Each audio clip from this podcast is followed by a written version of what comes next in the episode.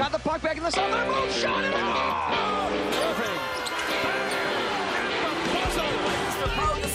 Movistar Fusion Plus us ofereix aquest espai. Locker Room, amb Ruth Vilar. I aquest espai ens porta fins a l'altra punta del món. Anem fins als Estats Units, a Nova York, i tenim, ja ho sabeu, cada setmana la Ruth Vilar. Ruth, com estàs? Bona tarda. Hola, bona tarda. Aquesta setmana has tingut feina, eh? Perquè hem estat Sí. expectants. Aquesta matinada, vaja, durant tota la setmana les eleccions nord-americanes han sigut la notícia eh, pràcticament que ha obert tots els informatius. Però aquesta matinada volíem saber com es via aquest partit de futbol entre Estats Units i Mèxic que el destí ha volgut que jugués tot just quatre dies després de la victòria electoral de Donald Trump. Afortunadament, si tu no em dius el contrari, s'ha viscut amb tranquil·litat.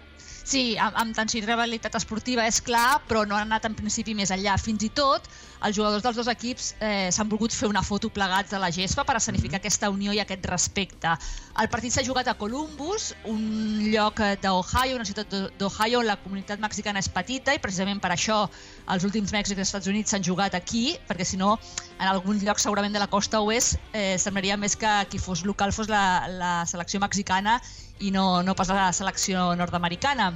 I fins i tot s'ha sabut que els grups d'animació eh, més fidels a la selecció dels Estats Units van decidir retallar una part del mosaic, d'aquest típic tifo que, que es fa durant la prèvia als partits, eh, perquè deien que no tenia res ofensiu, però que sí que podia haver-hi una part d'aquest mosaic que havien preparat intimidatòria després de tot l'embolic que hi ha hagut en Trump i van decidir retirar-ho. Encara no s'ha sabut què deia exactament aquesta part de, del mosaic, però és curiós que ells com a prevenció, perquè no passés res, decidissin retirar aquesta part del mosaic que consideraven que potser era intimidatòria a la gent, perquè la sensació aquí realment de molta gent és que tenen por. Por a, a la reacció que hi pugui haver eh, racista o... Vull dir, aquest és un país que se sap que, que és, és molt segregat, que hi ha molt racisme, Sí. però en les últimes setmanes la sensació és que no passa res per dir-ho i per fer-ho evident, no? I és la, por que està mostrant aquesta gent de les, de les minories dels Estats Units. A nivell esportiu, a més a més, els mexicans han tingut la seva petita revenja perquè han acabat amb una ratxa de 44 anys Uau! sense vèncer els Estats Units a casa en un partit classificació pel Mundial. Han guanyat 1 a 2. Uh, el gol de la victòria de Mèxic l'ha fet a minut a més, a més 89, un ex blaugrana, el capità de Mèxic, Rafa Márquez. poner el balón en el área, Miguel Layún. Se está acabando el juego, el centro, remate, gol, gol de México, gol de Rafa. Hosti, Rafa Márquez encara cueja. Sí, Quina sí, sí, sí.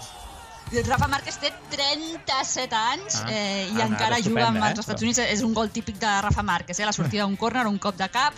I eh, eh, també hem vist en Mèxic doncs, els germans Dos Santos, eh, ex Blaugrana, Sachi Cherito Hernández, Guardado, que, que s'ha lesionat Vela, i també està titular el jugador de l'Espanyol Diego Reyes, a qui han canviat a la mitja part. També he llegit, Ruth, que això m'has d'explicar tu perquè no sé ben bé eh, de què va. Que, que Mèxic acabava amb la maledicció del, del 2 a 0. Que no, 2 a què vol dir 0, això? sí, sí. Així ho escriuen a les cròniques en anglès, a les cròniques del New York Times Sí. i tal, la maldició del 2 a 0, que és que la Tri havia perdut quatre partits consecutius a Columbus, els quatre per 2 a 0, i precisament el tifo aquest que van ensenyar els aficionats era una figura d'un futbolista recordant als mexicans que allà sempre perdien eh, 2 a 0 i, i em feia gràcia perquè també és una d'aquestes malediccions que es comenten aquí als Estats Units com la que dèiem l'altre dia de la cabra dels caps, doncs els mexicans a Ohio han trencat amb la maledicció del 2 a 0. Molt bé, Ruth. Què més tens de Nova York? Per cert, em sembla que tens una cosa interessant, eh?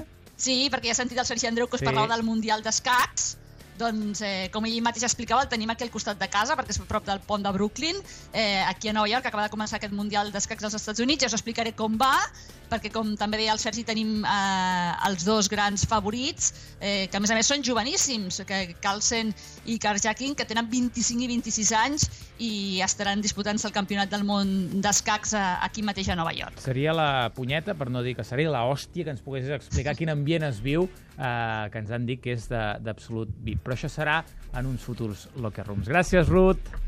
Adéu, bona tarda!